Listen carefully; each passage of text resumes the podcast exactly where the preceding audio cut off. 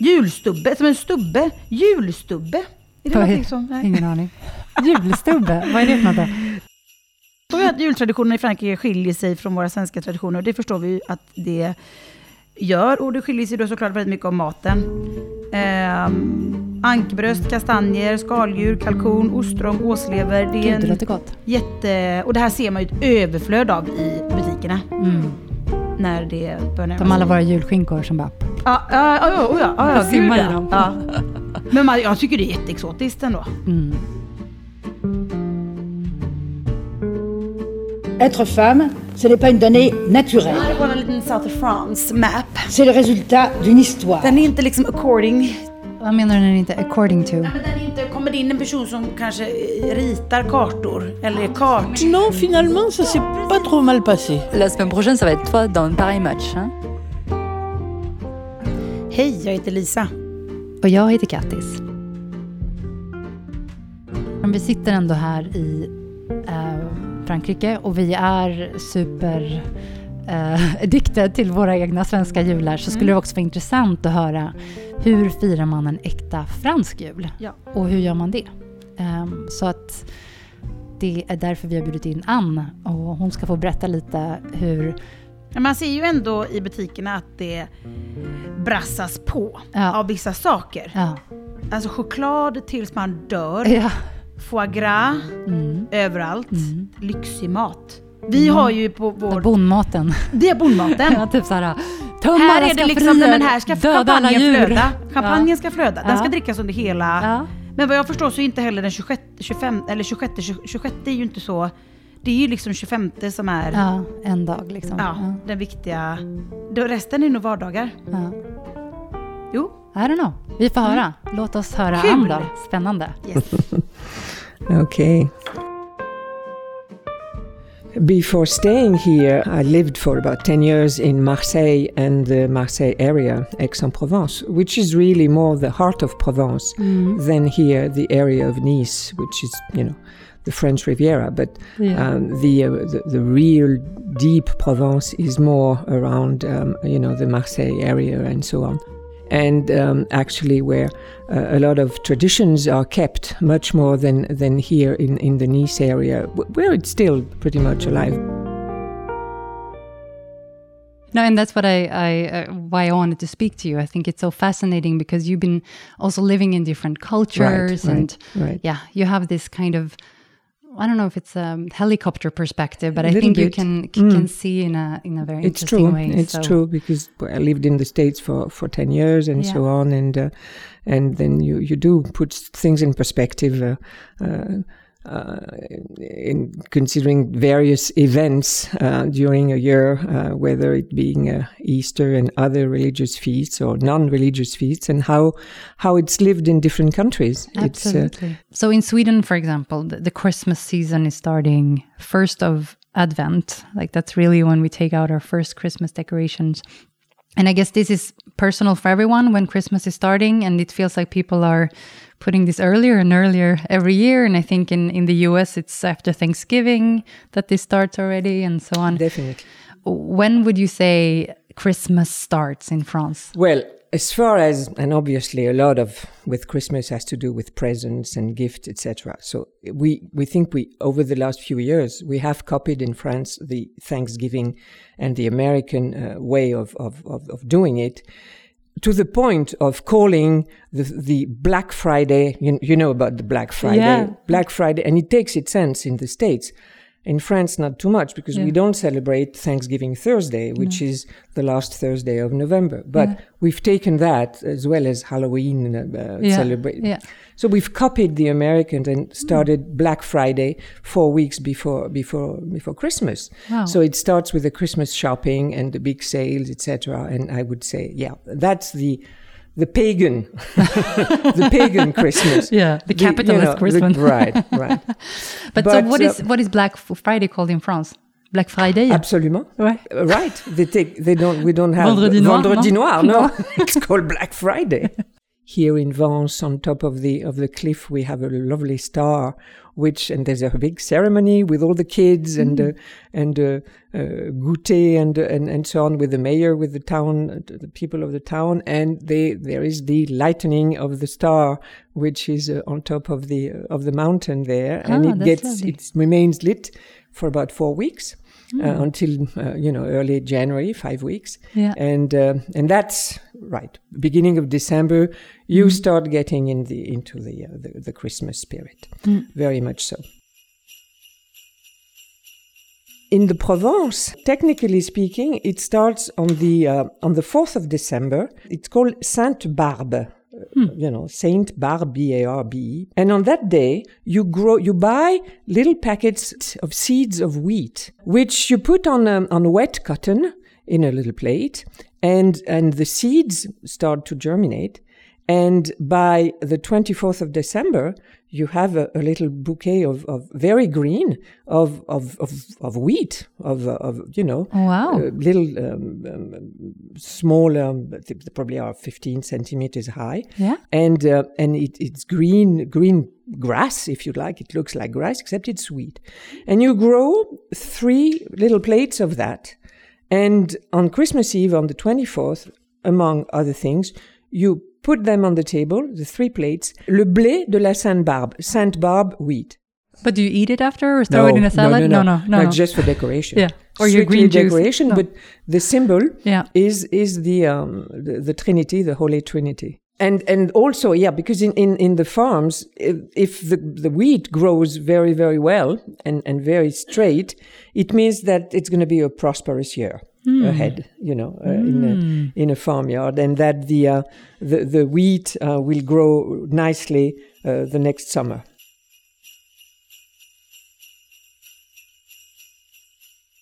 we have the the crèche, the um, you know the um, the um, It's called the- krubba in Swedish. Right, and in in English it's the nativity scene, whatever they call Yeah. it. I don't think we call it otherwise.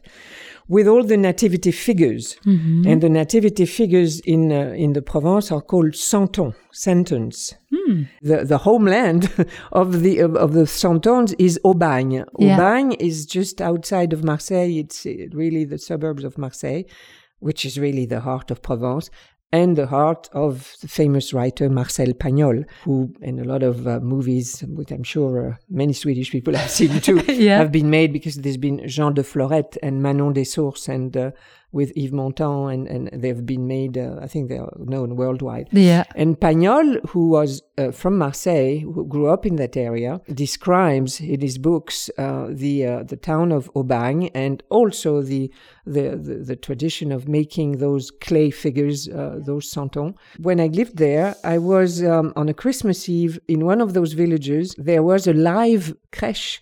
A number of people were dressed up like in the 19th century, if you'd like Wow. and started uh, a sort of of of of, of, uh, of march uh, through the village towards the, the little chapel. It was at midnight on Christmas Eve, and there were ladies dressed in, in the old costumes, the kids as well, and and the baker and so on. And they even had 20 sheep or so that were following. Live theater. Absolutely. Wow. And a little lamb that they were carrying, just like the characters in the Saint And that is a tradition that they still do outside of Marseille in some small villages. They, they still do it. The, the, the villagers will, will dress up in, Yeah. in the old costumes and so on, and will do a live crèche on, on Christmas Eve. Yeah, it's, it's really lovely. In in Provence, the the tradition uh, should be to um, on the twenty fourth on Christmas Eve not to eat anything very um, very fattening. You're supposed to eat uh, uh, things that are that are on the contrary, either fish or just vegetables and light, sort of having a light light dinner. That's supposedly not everybody does it nowadays what happens is that obviously for christmas even in, in families that, that are not so wealthy the idea is to just cook the, the best foods the best food possible. So it's going to be foie gras, it's going to be oysters, which are quite expensive. It's going to be very good fish. It's going to be very good uh, poultry, or, or um, uh, you know, with with uh, you st- you bring out your best recipes to make a real feast um, uh, on Christmas Day, definitely, and your best wines and champagne, etc. It, it's no matter what. Now in Provence, there is one tradition. It's the thirteen desserts. Oh, You haven't heard of that? No. Oh, that's very Provence. And people do do it. That, Really? That is something that people do. It is symbolic. You have to bring 13 desserts now uh, figs, dry figs, almonds and raisins, and nuts. And those represent, they're called the four mendiants, the four beggars. And they represent the Franciscans, the Carmelites, the Dominicans, and the Augustines. And then you have the dates. And the dates symbolize Christ coming from uh, Orient. Then you have nougat, uh, black and white nougat. Then you have what is called fougasse, which is made, it's a special bread, special brioche or bread that's special to the south of France, which is done all year. And it's made with olive oil. So it's, it's, it's very tasty. It's kind of a flat bread. Then you have candied fruit uh, as well. You have another little pastry, which is like a, a donut. Um, uh, what is that called? The donut? les oreillettes. Les oreillettes. Yeah, the Like, little ears. like little ears.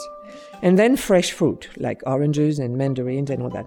And this, you have to have, you know, altogether 13 of those among among all those that I mentioned. You keep them for a few days, obviously, Yeah. because you you you, uh, you start a, a platter of that on, on Christmas Eve and you have it the next day. And obviously, it lasts for a few days. But uh, it's, It's crazy. I mean, Yeah, that's like a story of. It's almost like again, it's almost like a crèche. Like it's the characters, Exactly. a representation of different Absolutely. people, or, or so. right. So, so if I'm getting you right, then it's that there is in France there is this kickoff of Christmas that happens in the start of of December, um, more or less, and then these anti antipus how do you say anticipatory Mm-hmm. things like growing the um, the blé and, and so on. Right. And then let's say two weeks in, we're starting to get our Christmas tree, Correct. getting the crèche ready. And after that, And filling the fridge, oh yeah, true. starting food shopping. yeah, you know. sourcing the food. So what is the food like? What does the list look like when you're shopping for Christmas? Well, uh, you know, Christmas Eve traditionally it's um, uh, seafood like Yeah. um, oysters for those who can afford it, lobster, for instance, because it's it's a it's a big delicacy for the French people having lobster. Yeah. Whether it's from Brittany now, they import it from Maine, so um, all the seafood and stuff. Foie gras. So you make your foie gras because in most in, in a number of houses I make my foie gras. You can buy it already made uh, in most places, but you can buy it fresh Yeah. the goose liver or the duck liver, more more duck liver, and you cook it at home. You make it at home. You make your Wow. pâté at home. Wow. It's very simple. It's extremely simple, but you have to do it a few days in advance. It stays. It, it sits in the fridge for a, for a few days. So you prepare that like the week before. So you get the liver then from the butcher, and then you're making the spices and everything, and then you're mixing very, everything. Very few spices, just salt and pepper, a little bit of maybe of cognac and, and port, and then you, you you put it. In, you have it to stuff it very very uh, very tight uh, in a terrine, in Yeah. a terrine, and then it stays about half an hour at very low temperature, and that's it. Right in the oven, In and the then you oven. cool that down. Then you cool it for a few days. It has to, to sit in the fridge for a few days, and then you slice it. And um, and, and, and Wow. yeah. Okay. The day of the 24th is not something um, you're celebrating. I mean, in Sweden, we give the, the gifts, and No, often we have a breakfast. So the- that's it's really the- the, it's 25th. the morning year. of the 25th, yeah. So the 24th is kind of like the pre Christmas, Right. but luxurious. Right. So it's the eve, it's the Christmas Eve. There is Christmas Mass at 11 or midnight. You have Christmas Mass on the eve of the 24th. So uh, a lot of people do go there Yeah. uh, with the kids because that's really special. Normally, uh, I mean, the, the celebration of the masses, mass at that time is is a, it's a lovely mass, and Yeah. a lot of uh, people go to Christmas Mass uh, after dinner, after that dinner, um, after the Christmas Eve dinner. And then the next day, normally, the kids in pajamas. Santa Claus has come. in my family, because we, we spent my, my daughter was born in America and in America you put at the foot of the uh, of the fireplace a glass of milk and a cookie for Santa. Okay, that doesn't sound very French. but because we lived there for quite a while, Mm. Yeah. we, we keep the, the also a bit of, So the, nice. the American Yeah. tradition. And obviously we empty the glass of milk and eat half of the cookie for the kids to see that Santa has come through the chimney. But is it like a gift reveal that from the 24th to the 25th that they weren't there the 24th Absolutely. and in the night Absolutely. Oh you wow. hide them. Yeah. Okay. you okay, hide okay, them okay. well. And Santa Claus kids. was there to leave them. uh, exactly is the story. exactly so you you put them up you know during the night when when the kids are are, are asleep and Yeah. uh, and yes they are there on the morning of the 25th Wow. and most people normally do it you know at breakfast you sort of still in people are you know Yeah. in pjs and uh, and you open the gifts But is all the gifts open then in the morning or is it just a teaser and then no no no yeah. they're all open at the same time Okay, okay. Is there like some traditional breakfast you eat, or is this is more loose? not really not really. it's really more about the, the lunches or dinners. It's or it's a lunch, and it's normally a late lunch because by the time uh, you know the gift excitement and so on. So it's a late lunch, and there a lot of people will eat turkey okay, uh, or some kind of poultry. You know, capon. yeah, Um, in France, they sell a lot of capon. You know, Yeah. ca- the big nice um, chicken yeah. um, and turkey, but they do turkey too in the oven, then a roast. in the oven yeah Mm. with with nice um, vegetables uh, around there or or game you know Yeah. people will cook on the, on a christmas day uh, something like deer or or boar or you know game with in a, in a in a venison in sauce etc Mm. Yeah. that will be also a, a traditional uh, winter winter dish uh, that that people will make. And then we have the bûche de Noël, the Christmas cake, which is shaped in uh, in the shape of a log Yeah, and you have little uh, figures of uh, of uh, les lutins. yeah. you the know, tomtar. right, yeah. right, right. Yeah, It's often chocolate, yeah. and it's like a biscuit that is uh, a paste that is uh, um, uh, covered, and it's it's a roll. It's a, like a rolled biscuits, and it's covered with cream and chocolate, etc. So you cut it in in slices, so it, it looks like a log. Yeah, it, yeah, looks yeah, like a, a. I think we have it in Sweden. We call it rulltårta, a rolled cake. Right. Yeah. Right. Okay. That's okay. that's exactly that. But the, and so this is then the dessert on Christmas Day. Day, right. And then, but if you're in Provence, uh, you're you busy will with also your put all your 13 desserts The on the table 13. after the, the additional that absolutely Wow. yeah and yeah. then in the evening, what do you usually do? You watch a movie or like yeah, you, You, you pretty much do nothing much more you celebrate so much. You're like, oh. you yeah you you Yeah. fall in the couch yeah, yeah, yeah, yeah, yeah, and have like a thing. Yeah,